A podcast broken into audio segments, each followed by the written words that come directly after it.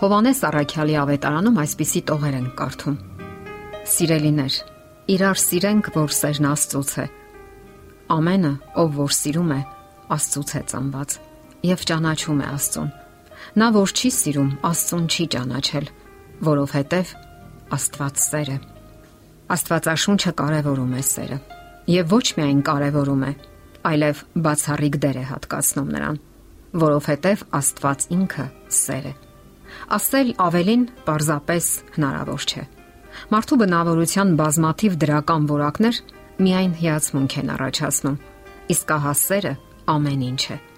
Սերը երբեմն անվանում են կախարդական դեղատոմս։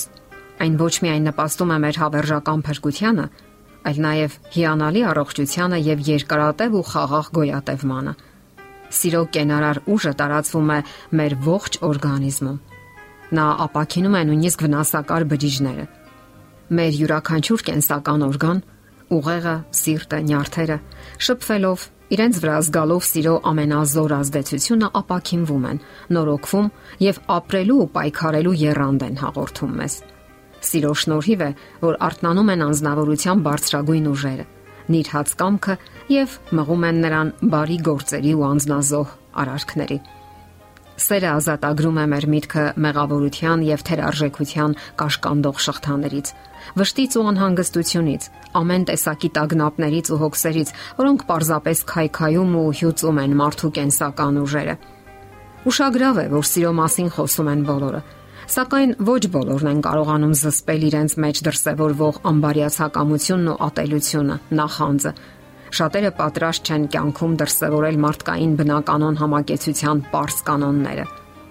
Սիրո լավագույն օրինակը մեզ համար Հիսուս Քրիստոսն է։ Նա ոչ միայն խոսում էր այդ մասին, այլև իր կյանքում ցույց տվեց ու հաստատեց Աստվածային սերը։ Այն սերը, որի դրական ազդեցությունը մարդու օրգանիզմի վրա այսօր արդեն ապացուցում են բժիշկները եւ բժշկագիտությունը։ Մեր օրերում մեծ պատրաստվածություն է պահանջվում մարդուց հոգևոր, բարոյական մեծ ուժ ու իմաստություն պատվով դուրս գալու մարդկային բարդ փոխհարաբերությունների հիմնախնդիրներից։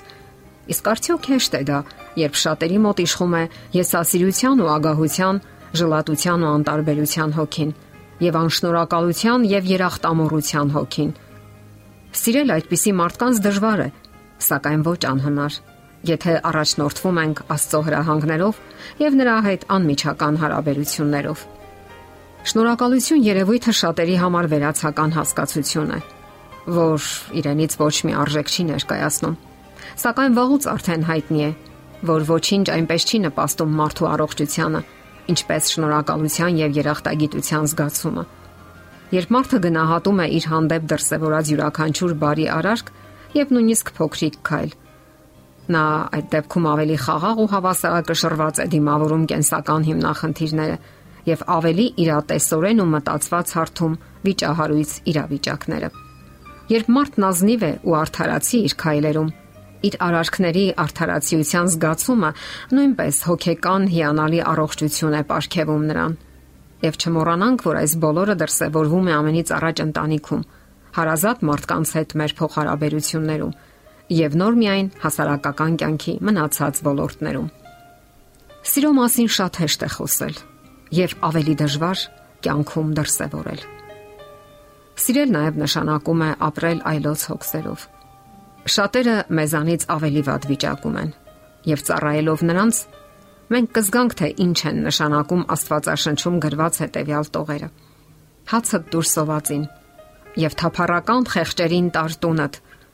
երբ որ մի մերկ տեսնես նրան հագցրու եւ քեզպես մարմին ունեցողից քեզ մի ծածկիր Այն ժամանակ քո լույսը արշալույսի պես պիտի ծագի եւ քո բժշկությունը շուտով պիտի բուսնի։ Սիրո անբավարարություն։ Հենց այսպես կարելի է բնորոշել եւ ախտորոշել մերօրյա հասարակության հիվանդությունը եւ նույնիսկ մահացու հիվանդությունը։ Այն դրսևորվում է բոլոր ոլորտներում՝ ընտանիք, հասարակություն, նույնիսկ եկեղեցի։ Այս հիվանդությունը հատուկ է բոլորին, առանց բացառության։ Բոլորն են հիվանդ դրանով Իսկ անկեղծ սիրո հատուկեն դրսևորումները հաճախ դիտվում են թուլություն, միամտության կամ էլ նույնիսկ անմտության դրսևորում։ Ինչու մենք չենք սիրում միմյանց։ Հաճախ նույնիսկ չենք ցանկանում մի քանի բառ անգամ արտաբերել այս կամ այն մարդու հետ իսկ երբեմն ատելություն ենք զգում։ Միգուցե մենք մոռացել ենք կամ նույնիսկ չենք էլ իմացել Աստվածաշնչյան հետևյալ падգամը։ Եթե Աստված այսպես սիրեց մեզ, ապա մենք էլ պետք է իրար սիրենք։ Ինչու մեր սրտերը չեն ոցավառվում Աստծո հանդեպ սիրուց։ Մարդկանց հանդեպ սիրուց ու կարեկցանքից Միգուցե մեր սրտերը քարացել են անտարբերությունից եւ կարեկցանքի բացակայությունից։ Դրանց չսնելուց եւ առօրյա կյանքում չկիրառելուց։ Իսկ միգուցե մենք որպես քրիստոնյաներ նույնիսկ չենք էլ կայացել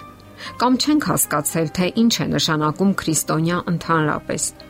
որովհետև քրիստոնեությունը այսօր աշխարում վերածվել է անկյանք կրոնի։ Դարձել է մշակույթ, նույնիսկ քաղաքականություն։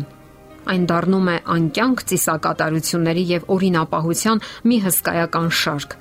որը չի սնում մեր հոգին ու միտքը։ Եվ մենք դադարում ենք կյանքում կիրառել այն հստակ падգամները, որ գրված են հենց Աստծո Սուրբ խոսքում։ Падգամներ,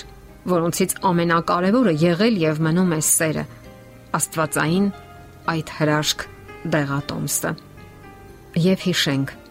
սիրենք իրար, որ սերն Աստծոց է